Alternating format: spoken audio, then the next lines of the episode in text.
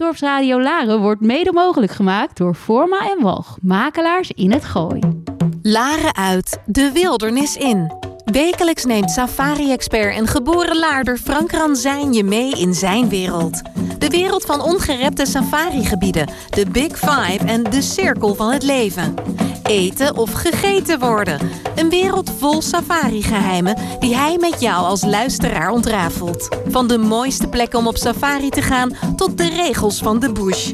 Samen met prominente gasten uit de natuur- en conservationwereld neemt Frank je mee, Laren uit, de wildernis in.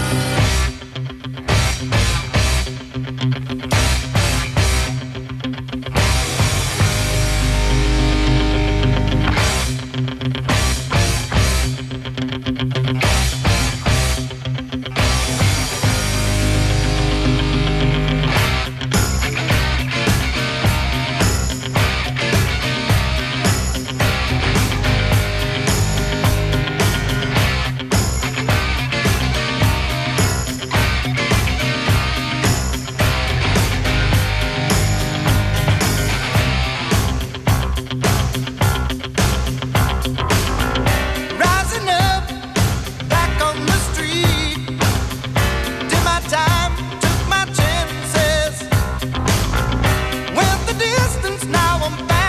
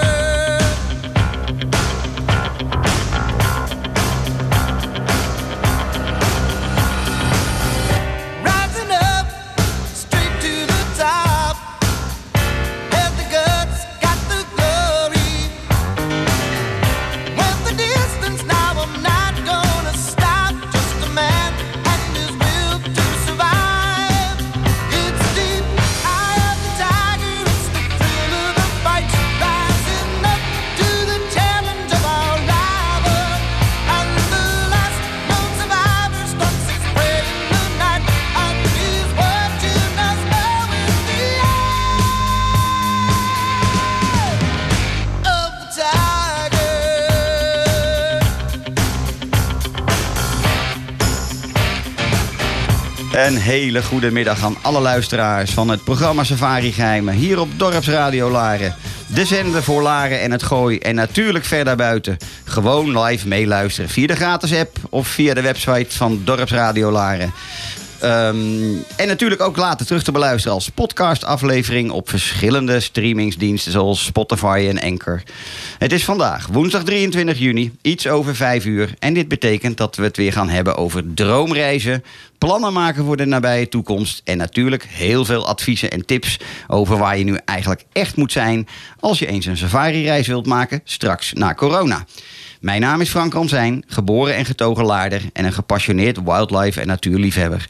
Oprichter van een klein en exclusief safari-adviesbureau, namelijk Safari Secrets genaamd. Ik spreek vanmiddag over mooie reizen en mooie natuur samen met mijn gast Freek Vermeulen. Freek is net als ik een natuurliefhebber poersang, een echte India en Latijns-Amerika specialist als het aankomt op natuur- en safari-reizen op deze twee continenten. Welkom Freek. Dankjewel. Ontzettend leuk dat je vanmiddag eh, te gast wil zijn. We gaan het eh, over heel veel verschillende dingen hebben. Dus laten we lekker van start gaan. En mijn eerste vraag aan iedere gast is altijd... Vertel wie je bent, wie is Freek en wat houdt Freek zoal bezig in het leven? Nou eh, ja, Freek houdt van, van reizen eigenlijk mijn hele leven al. Mijn moeder plukte me vroeger van de driewieler af enkele kilometers van ons huis. En toen was het eigenlijk al duidelijk. Eh, ja, en eh, verder heb ik eh, altijd geïnteresseerd geweest, ben ik geïnteresseerd geweest in natuurbeleving. Vind ik gewoon heel mooi. Ik ben altijd heel graag buiten. Ik wandel graag buiten. En ja, sinds enkele jaren heb ik daar een hobby aan toegevoegd, eh, fotografie. Ja, en ja. ik fotografeer heel graag ja, dieren en, en vogels. Ja. Nou, eh, nou ben jij een geboren Leienaar, toch? Zeg ik dat goed? Ik ben geboren in Leiden, ja. Ja. Ik ben opgegroeid in de polder van Ja. Zoeterwoude. Wil zeggen, want was er genoeg natuur dan eh, in, in, in Leiden... toen je daar eh, als kind rondrende op die, of rondreed op die driewieler? Ja, ja. Nee, ik, ik ben echt opgegroeid in de polder in Zoeterwoude. Ja, Dat ligt daarbij. En de- letterlijk aan, in de polder. Dus, Oké, dus daar is jouw voorliefde misschien wel begonnen voor de natuur. ja, Voor het buiten zijn. Ja. Want inderdaad, ik vraag ook altijd: eh, ja, waar, komt jouw, waar is jouw passie voor de natuur ontstaan? Ja. Nou, dat is dan misschien wel daar. Ja. Als je nu eens over onze landsgrenzen heen kijkt, waar heb je dan echt het virus te pakken gekregen over wildlife in ongerepte natuur? Ja. Waar is dat en wanneer is dat geweest? Eh, dan, ga ik denk, dan ga ik terug naar mijn studietijd. Eh, toen eh, was ik voor, op stage in Costa Rica. En daar heb ik eigenlijk als eerste... ja, ben ik gewoon een keer letterlijk ergens het, de jungle ingelopen. Hele dichte begroeiing. echt ja, puur, puur tropisch. Ja. Heel vochtig en heel veel bloemen en pla- planten en bomen. En ik, ja, ik stond daar als een kind in een, in een speelgoedwinkel Ja. m- mijn ogen uit te kijken. Ja. Ik hoorde gezoem achter me. Eh, ik denk, eh joh, dat is een hele grote bij. Maar dat bleek dus een kolibrie te zijn die eh, daar bij een bloem aan het vliegen was.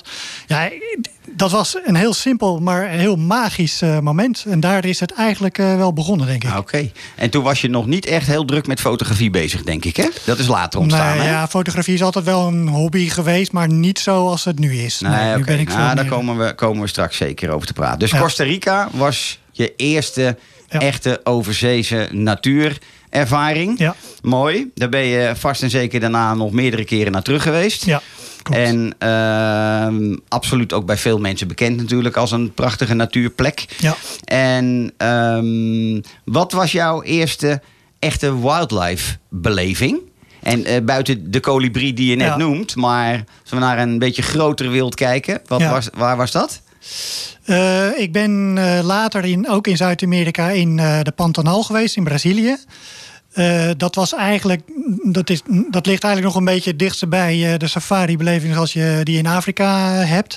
Hoewel, het is, eh, toen ik daar was, eh, ja, eh, men in Brazilië nog geen eh, eh, al te veel ervaring had met echt het safari-toerisme. Nee. Eh, ik moest letterlijk in de lodge waar ik was eh, zeggen van dat ik om, eh, om vijf uur eh, op wilde en om zes uur de deur uit. Ja. Want daar begonnen de, de activiteiten eigenlijk pas om een uur of negen. Lekker uitslapen. ja, dat was mijn eerste ervaring waar ik eh, wat groter wild heb Ja. eh, gezien. Ja. Eh, maar ja, mijn echte safari-belevingen die zijn echt in India geweest. Ja. Ja. Ja. nou, daar gaan, we het, daar gaan we het zeker over hebben. Ja. Ehm, want ik wil eigenlijk vrij uitvoerig met je over India praten. Je staat bij mij bekend als een echte safari-expert India.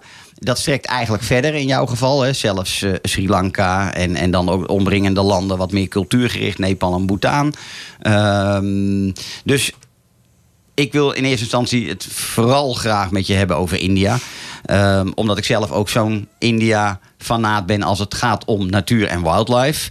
Ehm, de, de, cul- de cultuuraspiraties beginnen bij mij de laatste tijd, de laatste jaren steeds meer te groeien. Die had ik van oudsher niet zo. Ik was heel erg gefocust op alleen maar dat grote wild. En eh, ja, waar ik van kind af aan al helemaal gek van ben. Dus als we het hebben over India, dan. ehm, en ik denk over de kenner op al die parken, dan ben jij dat. Wat zijn voor jou de favoriete natuurparken in India? En, en vertel ook vooral waarom. Ehm, ja, nou ja, eh, een van mijn favoriete parken eh, ligt in Centraal-India. Dat is eh Kana, Kana National Park. Waarom dat een favoriet is? Omdat eh, ja, het is een, een, een bijzonder wildrijk eh, park. Eh, alleen al aan, aan prooidieren, om ze zo even te noemen, loopt er herten rond, de- antilopen, wilde zwijnen. Het is eigenlijk gewoon een, een walhalla voor de, de hoofdbewoner van het park en dat is de tijger. Eh, Het is het echte Jungle Book eh, verhaal Ja. als je daar bent. Ik Van, ken het eh, ook. ja. En ja, dat is wel het gevoel wat je erbij krijgt. Hè? Alsof je het sprookje binnenloopt eigenlijk. Met al die pauwgeluiden op de achtergrond. En die alarmcalls. Dat is echt fantastisch hè? Ja. Nou, en, en is de rest van of Centraal-India vrij droog. Kana heeft salbos. Dat is een, een altijd groen blijvende boom. Dus het park is heel groen. Eh, ja, en het is, eh, ja, het is fantastisch. Eh, dus dat is wel een van mijn favorieten. Een ander mooi park, dat ligt meer in het zuiden van, van India. Daar ben jij ook geweest, in Nagarhole Ja, National Park. Absoluut. De reden dat dat mooi is, is omdat het ja, wat meer regenwoud is. Het is wat wilderiger, groener.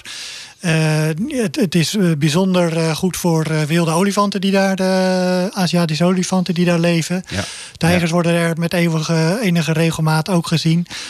Maar ook luipaarden, Ja. die komen daar wat, wat vaak, worden daar wat vaker gespot. En, en zeker het melanistische luipaard, hè? het zwarte luipaard, staat toch wel een beetje bekend van die regio. Klopt, Ik had hem vandaag ook in mijn Instagram-post staan. Van deze moet je op je bucketlist hebben staan. Of je hem ooit gaat zien, is vers 2, hè? want er is niks moeilijkers Ja. dan dat. Maar, de afgelopen, eh, ze worden nou, wat vaker ge- gespot, hè? afgelopen jaar eh, zie Ja. je heel veel foto's langskomen. Ja, inderdaad. Ja. En eh, dus oké, dat, dat is eh, nummertje twee. En heb je dan nog een derde favoriet in India? Ehm, eh, nou ja, ik ben in Ladakh geweest, eh, het uiterste noorden van, eh, van India. Daar heb je Hemis National Park. Eh, ja, het- een compleet andere wereld. Dat is, dat is eh, gewoon Himalaya. Eh, en daar heb je hele ruige berggebieden, Alpenweiden en dergelijke, rotsgebieden.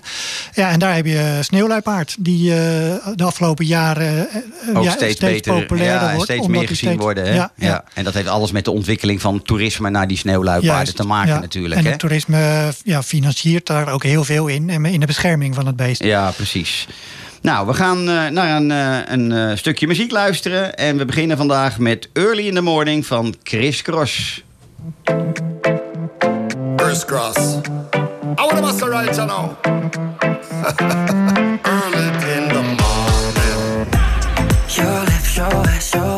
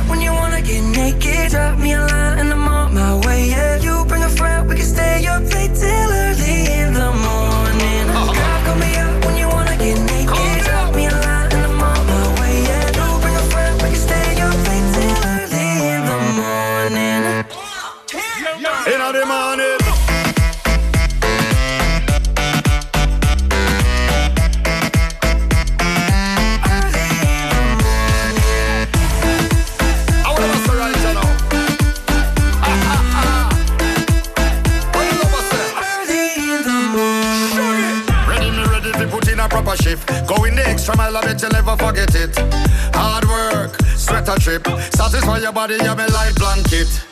Come when I'm calling. What you need is right here, darling. All night till the morning. Keep you wetter than the window when the rain is falling. Girl, call me up when you wanna get naked.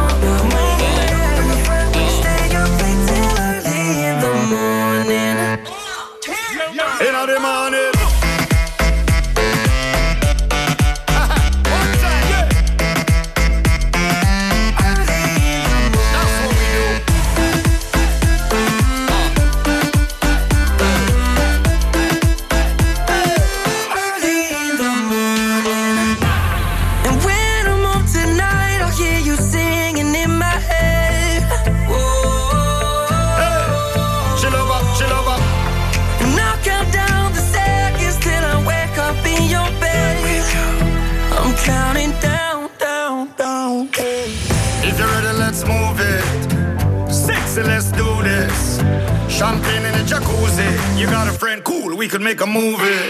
Girl, call me up when you wanna get naked.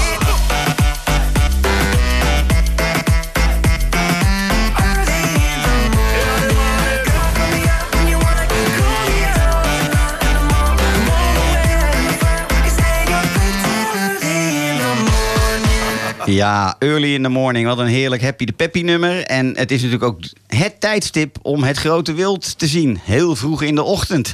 En daar zijn we nog steeds. We zitten nog steeds in India. En we gaan het hebben over al die prachtige natuurparken van India.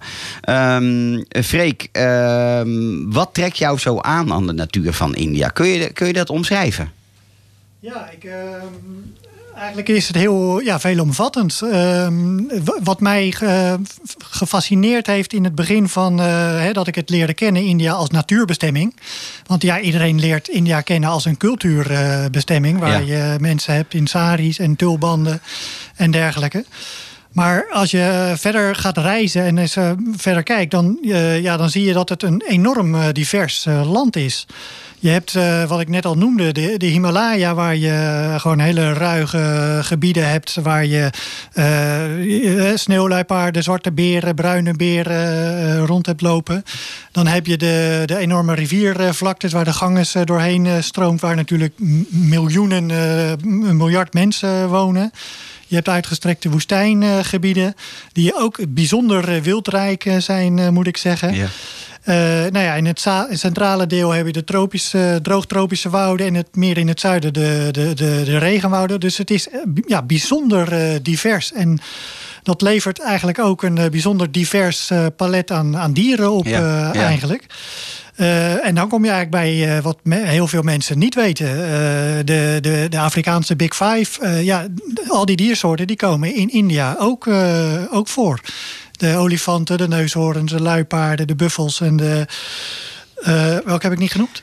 Ehm, Leo, denk Leeuw, ik. leeuw, ja, maar, dan, maar dan inderdaad de ondersoorten, de Aziatische ondersoorten Ja, daarvan. de Aziatische hè? versies en, en, daarvan. Ja, ik zeg altijd, India Ja. heeft de Big Seven, waar Afrika de Big Five heeft. Ja. Hè? Want ze hebben twee natuurlijk ultra bijzondere dieren er nog extra Ja. bij. Ja. Tijger en beer. Ja, nou ja dus- klopt. Ja, Ja. Nou goed. En nog veel meer dan dat, maar qua zeer aansprekende diersoorten natuurlijk. Ja, dat klopt. Ja.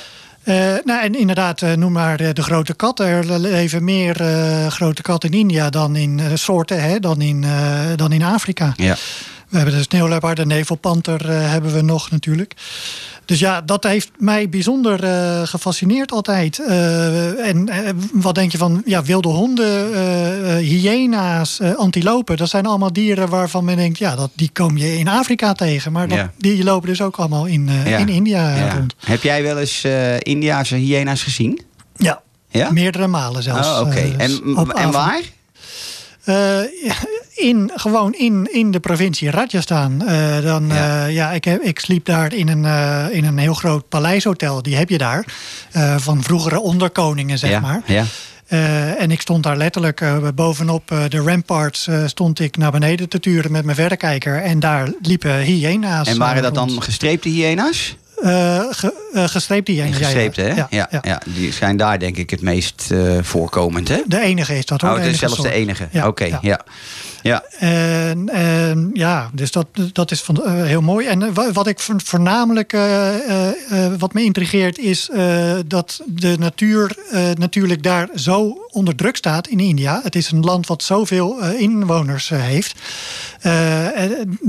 Dus ja, dat het daar op een of andere manier toch nog een plekje kan, kan vinden. En er zijn, dat levert ook ja, wel best wel een probleem op ook. Hè, met, Human-wildlife conflict. Ja, ja. Ja, maar daar wordt ook heel veel aan gedaan, hè? Daar wordt heel veel aan gedaan. De regels zijn daardoor heel streng in Ja. India. Ja. Eh, maar goed, ja, dat is, dat is denk ik nodig om daar eh, toch de natuur zoveel mogelijk te Ja. beschermen. Maar het levert ook eh, ja, hele bijzondere dingen op. Je kunt vliegen naar een, een miljoenenstad, Jaipur. Daar kun je op worden gehaald door een jeep. En twintig minuten later dan doe je gewoon een, een, een, een vlak buiten de stad. Ja, bijzonder, Dat, is, dat zijn hele bijzondere dingen. Ja, ja, ja, die dieren die zijn, ja, die trekken net als de vos in Nederland, die trekken daar ook die steden in. Ja. En mensen zijn, nou ja, ik denk niet zozeer meer, maar ze zijn ook gewoon gewend om te leven met dat wild om zich heen. Klopt, En niet ja. ieder wild eh, is een probleem voor ze. Hè. Dat zijn vooral een aantal diersoorten die een probleem voor ze zijn. Ja. De katten die hun vee af en toe te grazen nemen. Ja. Eh, maar ze leven natuurlijk gewoon te midden van al die dieren. Ja. Eh, ja, er is een, een veel mooiere samenhang, lijkt het wel, daar tussen mens en dier. Ja. Maar daar komen we zo direct nog wel even op, want we hebben nog een aantal van die hele bijzondere plekjes. Ehm, we gaan naar een, een stukje muziek luisteren. En dat wordt natuurlijk ook zo'n mooie die je op natuur kunt loslaten. Mr. Blue Sky van ILO.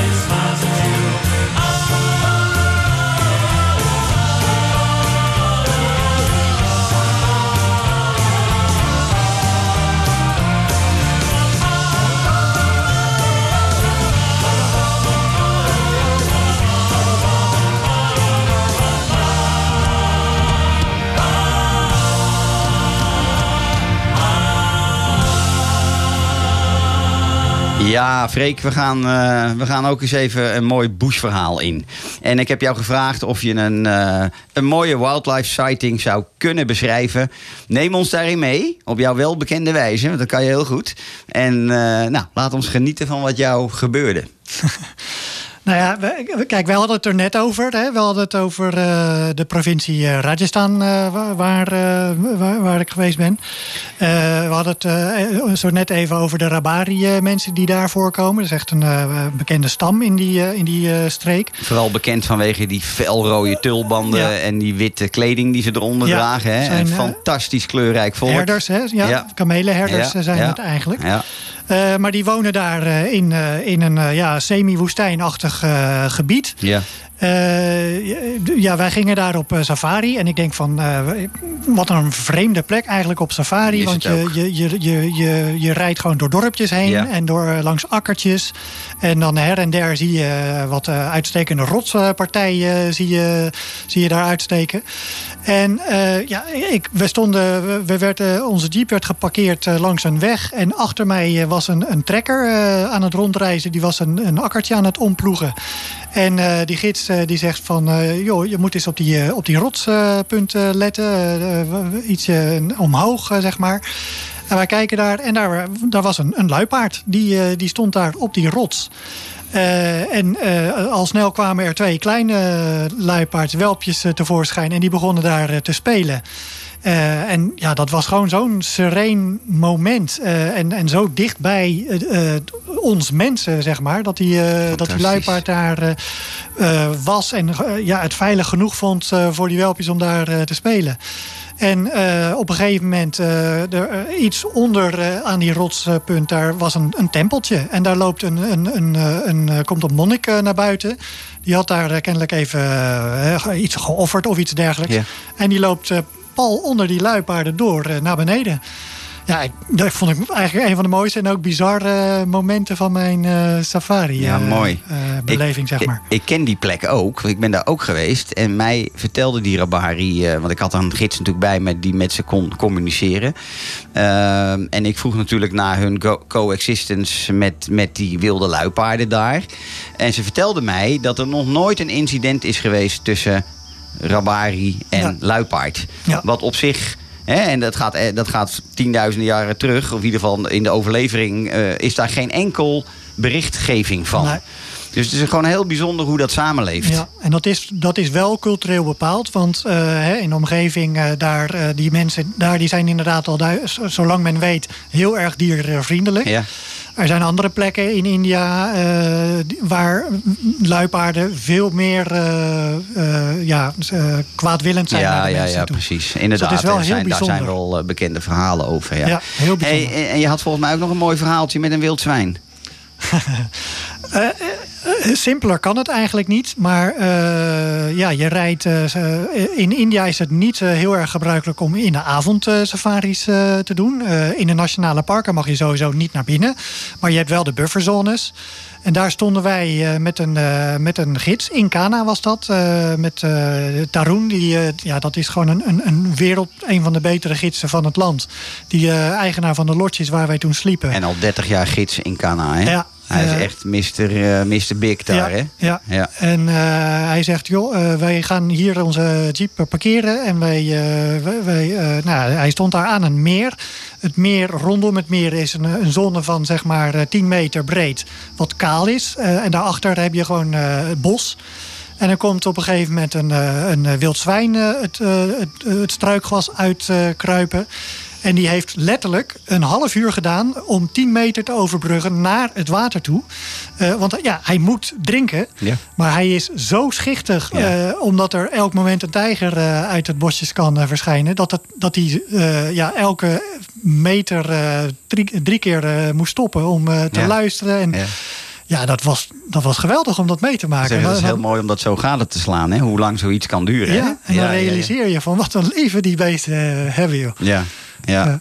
Ja. fantastisch. Hey, en ehm, ik wil een beetje gaan switchen naar een van je andere passies in het leven. En dat heeft natuurlijk ook wel te maken met dat jij een Latijns-Amerikaanse eh, eh, vrouw hebt.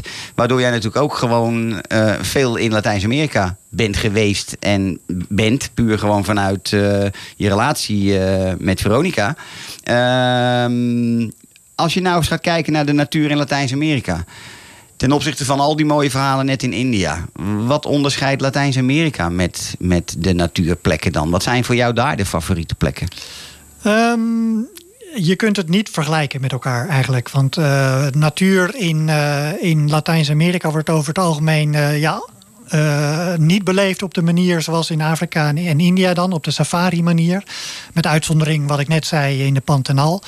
Je hebt daar voornamelijk natuurlijk, eh, eh, ja, bekend is natuurlijk het eh, Amazone regenwoud, wat eh, heel erg eh, wildrijk is, maar waar je gewoon op een hele andere manier eh, door het, jezelf door het bos kunt bewegen. Ja, ja. Dus je bent daar een stuk beperkter en je bent daar eh, eigenlijk nog veel meer eh, afhankelijk van eh, ja, hele goede gidsen die, eh, die de geluiden kennen en die, eh, die weten waar eh, de dieren te vinden eh, zijn. Omdat het zo, di- zo dicht begroeid is natuurlijk. Hè? Ja. Hoe, di- hoe dichter de, de, de vegetatie, hoe moeilijker het gewoon... Het is eigenlijk vrij simpel. Exact. En dat ja. is daar natuurlijk het meest, het meest aan de orde. Dus het meest dicht. Ja. Ja. Nou ja, en dan, eh, en dan heb je het, het Andesgebergte waar eh, dieren leven, maar veel eh, ja, verspreider dan, in de, dan in andere continenten, zeg maar. Ja. Dus het, is, het zijn daar niet bijzonder grote kuddes die je daar tegenkomt, maar gewoon wat kleinere groepjes. En eh, nou ja, als eh, eh, de jaguars en de puma's die daar dan ook voor voorkomen, die, eh, ja, die leven dan ook wat verspreider. Dus het Ja. is daar wat, wat moeilijker om grote getalen te zien. Ja. Maar de, de soortenrijkdom is daar groter dan in enig ander continent. Ja, dus dat precies. maakt het weer heel weer interessant. Hoe dichter begroeid, hoe groter de biodiversiteit volgens mij. Ja. En de jaguar si- sightings, die worden ook steeds beter hè, in Latijns-Amerika. Op meerdere plekken. Hè. Ik bedoel, eh Pantanal is denk ik misschien wel nu de... Pantanal is wel de nummer één. Ja, dat denk ik wel. Ja. Eh, omdat er ook steeds meer projecten gaande zijn. eh, zoals wij dat ook uit Afrika kennen. Die dieren worden gewoon steeds wat meer gehabitueerd aan de toerist. Ja. Hè, en worden wat beter gevolgd. eh, Worden door radiozenders beter gevolgd. En ook onderzocht. En Eh, onderzocht, men- men weet precies. Het allemaal met een, goede, de met een goede reden. Eh, maar daardoor worden ook de, de kansen op het zien van die jaguars echt steeds groter. Hè? Ja. En vaak ook per boot volgens mij, hè? vanaf de rivieren. Ja. Heb je dat zelf wel eens gedaan? Eh, heb ik gedaan, ja. Z- Zonder eh, succes, helaas. Eh, Maar dat is de sport van safari, toch? Ja, ja, En het feit dat je weet dat ze er zijn, vind ik altijd al voldoende. klopt, klopt. Toch? Dat ja. is vaak het allermooiste. Ja, nee, Ja. maar wat ik zeg, het, eh, ja, de begroeiing is lastiger. En als je jaguars wil zien, ja, dan zie je ze vaak vanuit een boot liggend op een zandbank of, of dergelijke. En daar moet je gewoon wat meer geluk voor, voor hebben. Ja. Ja. En ehm, als er nu één park is waar je morgen naartoe mag in Latijns-Amerika, wat gaat dat dan worden? Mag ik er ook meer noemen? Ja, ja je mag er ook meer noemen. Geef de luisteraar inderdaad een idee over de plekken waar ze moeten zijn als ze toch ooit weer die kant op kunnen en mogen. Ja, nou, ik zou morgen zo weer, sowieso weer teruggaan naar de Pantanal. Omdat ik die jaguar eh, nog eh, wil zien. Ja, Eh, maar wat mij ook eh, verrast heeft is eh, Peninsula Valdez in eh, Argentinië. wat bekend staat voor de walvissen die daar Ja, voorkomen. Die, ja.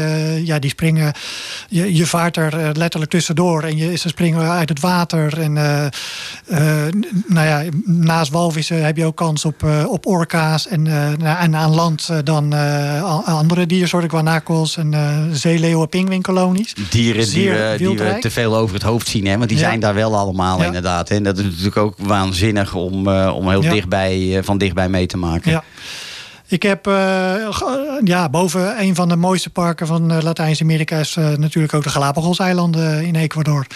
Waar je eh, ja, dieren tegenkomt die gewoon niet eh, mensenschuw zijn. eh, Nee. En waar je letterlijk bijna tegenaan loopt als je Ja. er niet uitkijkt. Ja.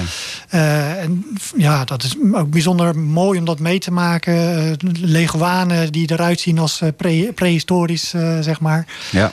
Ook eh, snorkelen met zeeleeuwen die om je heen beginnen te, te, te, te zwemmen. Fantastisch. Dus ja, dat, dat is echt kip. Dat zijn Ja, kippenvel dat naar zijn, kippenvel eh, momenten. Dat zijn echt eh, geweldige wildlife momenten. Ja. Want dat is het uiteindelijk allemaal. Ja. Ja. Mooi. En Eh, eh, nou ja, ik, ben, ja, ik ben blij. Ik, eh, tegenwoordig werk ik bij eh Sapapana Travel. Eh, eh, ik ben geswitcht naar eh, Latijns-Amerika weer. Eh, en eh, ik hoop dat in de nabije toekomst weer eh, gewoon ook eh, te mogen zien. Ja, Ja. maar dat gaat er zeker wel weer aankomen. Dat gaat eraan komen. En eh, je bent al je Latijns-Amerika kennis nu eh, aan het gebruiken in, eh, in deze nieuwe baan. Dus ook heel veel succes daarmee, eh Freek. Dank je. We gaan eh, luisteren naar Heartbreak Anthem van Galantis.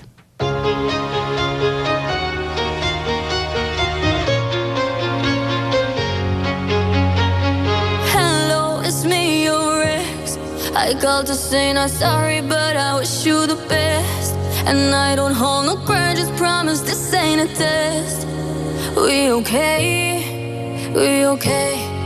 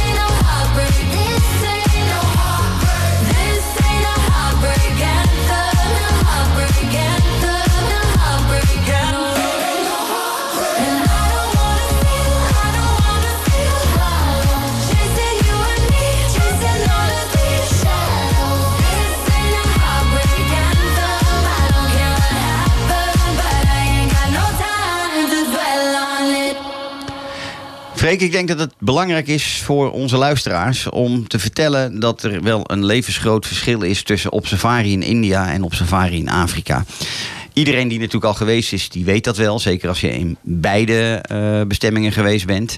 Maar het is misschien wel goed om daar eens gewoon een aantal dingen uit eh, te belichten. Kun jij aangeven wat de grootste verschillen zijn in die twee safari-ervaringen? Hoe ze het in India doen en hoe ze het in Afrika doen? Ja. Ja, want ik ben inderdaad eh, in 2019 in de gelegenheid eh, geweest om eh, mijn eerste Afrika Safari Experience op te doen. Dat was in Zambia, of all places. Volgens mij ben ik geweest in twee van jouw favoriete parken. Absoluut, ja, absoluut. Lower Zambezi en Luangwa. Ja, ja, ja, ja. Ehm, ja, en wat ik daar eh, heb gemerkt is dat eh, ja, bovenal eh, het de safari, zeg maar, beleving in Afrika.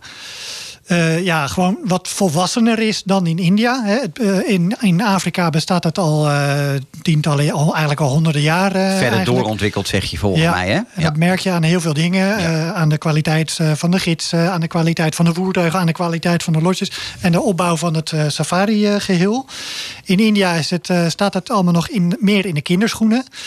Eh, we hebben het net al een beetje eh, gehad over eh, de regelgeving in India. Omdat India zo eh, bevolkingsdicht is, eh, ja, kom je er in India niet omheen om eh, gewoon hele strenge regels eh, op te stellen voor het safari gebeuren. De safari-parken zijn ook wat meer gesloten als in, als in Afrika. Ze gaan open en dan mag je er naar binnen. En dan gaan ze tussen de middag gaan ze weer dicht. En dan moeten alle jeeps er weer naar, naar, naar buiten. Dus de dieren worden op die manier wel wat rust gegund. Ehm, en dat maakt dat, je, dat Afrika over het algemeen ehm, voor, voor een korte safari-beleving eh, heb je in Afrika sneller eh, hetgeen wat je wilt zien dan in India. In India zou je eigenlijk wel, heb je wat meer tijd nodig om de diersoorten en de natuur in je op te nemen, zeg maar. Ja. Dat neemt niet weg eh, dat eh, de safari in India eh, ja, fantastisch is. Het is wat, wat bosrijker, de, de parken daar. Ze zijn, het is, je moet je voorstellen dat het ja, bosgebied is met open, open velden en dan wat rotspartijen en dergelijke. Waarin kreekjes doorheen lopen. Dus waar heb je wel oneffenheden, veel oneffenheden heb je daar in de, in de weg. Ehm, dat maakt dat eh, dieren eh, ja, zich kunnen verstoppen in het bos en kunnen verstoppen achter een, een, een rotspartij. dus in, in India ben je afhankelijk van een eh, zeer kundige gids. Die weet over de geluiden die je in dat bos hebt. En je gaat eigenlijk in India veel meer op zoek naar het wild dan dat je in Afrika doet. In Afrika krijg je het een beetje op een presenteerblaadje, zeg ik altijd gekgerend. Maar in India ga je op zoek. En dat, eh, ja, dat uit zich in het eh, luisteren naar de alarmcalls van, van, van apen en van herten en van pauwen die daar dan eh, voorkomen. Eh, er zijn eh hè, langoerapen die leven samen met eh axisherten. Eh, die, zit, die groeperen zich altijd samen omdat die eh, samenwerken in, eh, in hun gevecht tegen de, het, eh, tegen de tijgers en de luipaarden, zeg maar. En altijd hoor je het geschal van die beesten door het bos heen. En eh, dat is eh, het moment dat jij gespitst gaat zitten in je, in je jeep. Want dan weet je dat er een, tijger, een, of een tijger of Ik luipaard denk ook in de buurt inderdaad, is. als ik je mag interrumperen, dat een mooi verschil is. In India gebeurt het veel meer bij oor. Ja. En in Afrika bij oog, Oog, omdat we ja. daar de sporen vaak makkelijker kunnen eh, vinden Ja. hè, dan in India. Dus daar gebeurt het weer veel meer op geluid, inderdaad. Klopt. Ja, ja. En dat, eh, ja, dat maakt het bijzonder spannend. eh, want Ja. je bent constant Ja. ben je op, op zoek. En dat, dat, dat, dat vind ik echt geweldig aan, aan de safari-beleving in India. Ja. En. En, en de gidsen kennen soms trucjes die je eigenlijk niet zou moeten weten. Om toch bepaalde dieren te kunnen vinden. ja. Je mag het ook eigenlijk gewoon niet verklappen. Dat moet ik ook misschien helemaal niet doen. ik denk dat mensen dan maar contact met me op moeten nemen. Want dat is een van die safari-geheimen. Hoe gidsen toch soms weten die klant te bedienen van die tij- tijgersighting. Terwijl je soms al drie, vier uur hebt lopen zoeken en hem Ja. niet kan vinden. Ja, Het is echt wel geweldig hoe die mannen daar eh, mee omgaan. En hoe, ze, ja, hoe ze dat toch weten te doen. Ehm, ik wil eh, zo direct nog heel even met je inzoomen op jouw fotografie.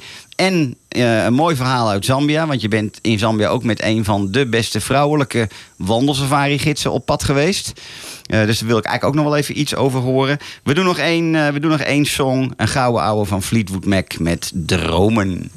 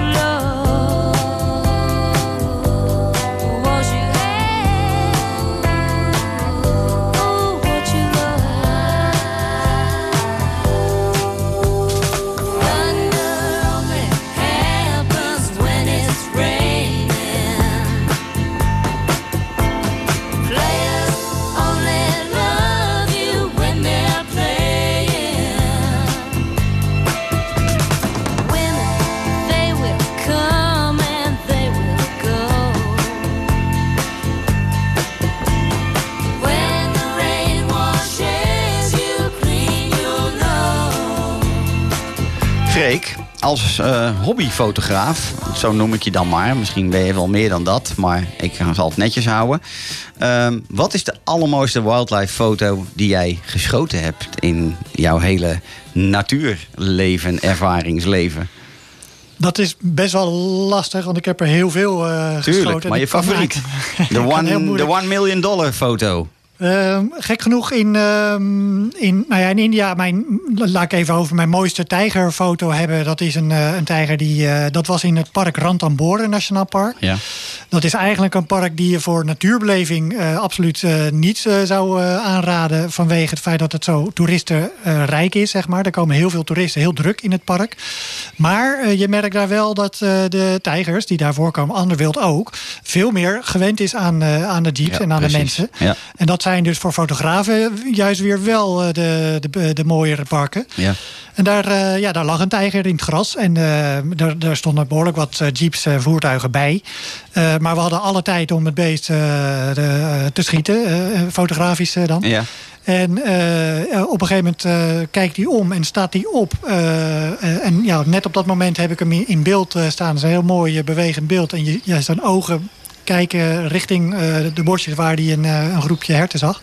Dus hij begon daar al naartoe eh, te bewegen. En dat is een heel mooi beeld geworden eigenlijk. Dus dat was mijn mooiste wildlife foto voor India.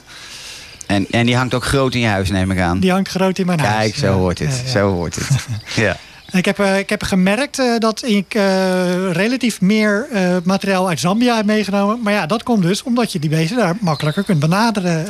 daar. Dus- En omdat het misschien ook op dat moment nieuw was. Dat heeft het misschien ook wel mee te Ja, maken. Dat, ja. hè, dat was voor jou de eerste Afrika-ervaring, toch? Ja, Hey, als we nog heel even teruggaan naar Zambia. Jij was inderdaad op wandelsafari met Debbie Tiddle in South Luangwa. Ja. Een zeer bekende vrouwelijke wandelsafari-gids. En daar maakte je volgens mij ook iets mee. Ja, Vertel. klopt. Wij, eh, we, we deden daar een wandelsafari. Eh, dus dan, dan ga je op pad met een, met een gids en, en een, een, een persoon die daar een, een park wacht. En een, een theedrager die achterop loopt, dus die ook nog extra ogen heeft. En verder niets. Eh, we lopen daar eh, door, eh, door het gebied heen. En je, je moet je voorstellen, je hebt daar van, die, van die vlaktes bij de rivieren. Ja. zanderige vlaktes, die herkent ze wel. Ja. Nijlpaarden die lopen s'nachts lopen ze van de rivier het, het gebied in waar ze gaan grazen. Die beesten die met hun gewicht trekken daar sporen. En die sporen die worden in het regenseizoen stroompjes. En die stroompjes die worden een beetje riviertjes. En die trekken eigenlijk greppels die inmiddels vaak Best meer wel dan, heel diep zijn. meer dan meet, Ja, ja, ja. menshoog zijn. Ja, twee, ja, ja. twee keer mensenhoogte. Ja. Wij komen aan bij zo'n greppel. Wij lopen naar beneden. Eh, daar zijn wat, eh, wat struiken, struiken zijn daar. En ik zeg tegen een, eh, een medewandelaar van... joh, ik hoor wat ritselen in de struik. Misschien is het wel een leeuw. Hij zegt, nou joh, eh, doe het maar. Dus wij lopen de greppel weer uit. En de theedrager achterop, die zegt tegen mijn gids... die fluistert iets in zijn oor, en, of in haar oor... En eh, zij gaat kijken. En eh, ja, wij staan dus met z'n allen op, die, op de rand van die greppel. Naar eh, die struiken te kijken. Waar we net twee meter vandaan langs zijn gelopen. En daar komt daar een leeuwin uit die struiken. En die, die begint op ons af te springen. En te, te, te, te, Die was not amused. Nee. Ik, ik, ja, ik ben nog nooit zo geschrokken in mijn leven. Ik dacht, hier heeft mijn laatste uur geslagen. Dat snap ik. De gids eh, die, eh, was, die bleef eh, heel cool, Deb. Eh, die hield haar, haar handen omhoog. en die, die begon een klein beetje te schreeuwen naar de leeuw. En tegen ons zegt ze, met je gezicht naar de leeuw toe. Achteruit, Achteruit, lopen ja. en dan een aantal meter, Ja. eh, 10 meter naar achter. En dan Ja. kun je gewoon weer de weg wandelen. En achteraf heeft ze ons verteld dat het ging om een mock charge. Eh, En- ofwel en- een waarschuwingssignaal. Omdat ze waarschijnlijk welpen in diezelfde struiken had. Juist, het bleek dat ze twee eh, kleine welpjes bij zich had. Ja, ja. Eh, dus, en zij zegt, in mijn 25-jarige bestaan dat ik hier aan het gidsen ben... heb ik dit nog nooit Nee. meegemaakt. Ja, geweldig Dus, hè. Want je, je, je hartslag zit heel hoog hè. Ah, ja, achteraf vond ik het geweldig, maar op ja, het moment... op dat moment niet. Nee, maar dat, dat kan ik me heel goed voorstellen. Dat is Ja. wat we dan zo mooi een close encounter noemen. Die toch altijd weer goed afloopt. Ja. Eh, daar bespreken we er bijna wekelijks hier een van. Ehm, wat staat er heel hoog op je bucketlist, eh Freek? Als je nu eh, weer kan reizen, waar ga je als eerste heen? Ehm, ja, eh, ge- gezien mijn werk eh, zal ik eh, nu Latijns-Amerika gaan bereizen. En dan denk ik toch dat ik weer heel graag terug weer ook weer wil naar de Pantanal Ja, of naar de Amazone. Dat, Amazone krijg ik geen genoeg van. nee, nee. Nee. kan ik me voorstellen. Ja. Dat, blijft, dat blijft ook iets magisch volgens mij. Klopt. Ja. Ik, dat staat ook hoog op mijn bucketlist, zowel Pantanal als Amazone. Ehm, ik ben jarenlang zo narrow-minded op Afrika geweest dat ik ook geen ruimte en tijd had voor andere plekken. Maar eh, ze, gaan, eh, ze gaan er toch echt komen. Ehm Freek, ik wil jou enorm danken voor jouw aanwezigheid hier vandaag op Dorpsradio Laren. Eh, Ik wens je zo direct een hele goede reis weer naar huis. Gelukkig niet al te ver, naar Almere. En ik wil natuurlijk ook Jan-Willem Bosboom danken... voor eh, mijn steun en toeverlaat achter de knoppen vandaag. Ik eh, wens iedereen een hele fijne avond. Luister deze uitzending terug op mijn podcast... Mijn Afrika, Mijn Wildlife... of op de andere streamingsdiensten. En ik zie jullie volgende week weer.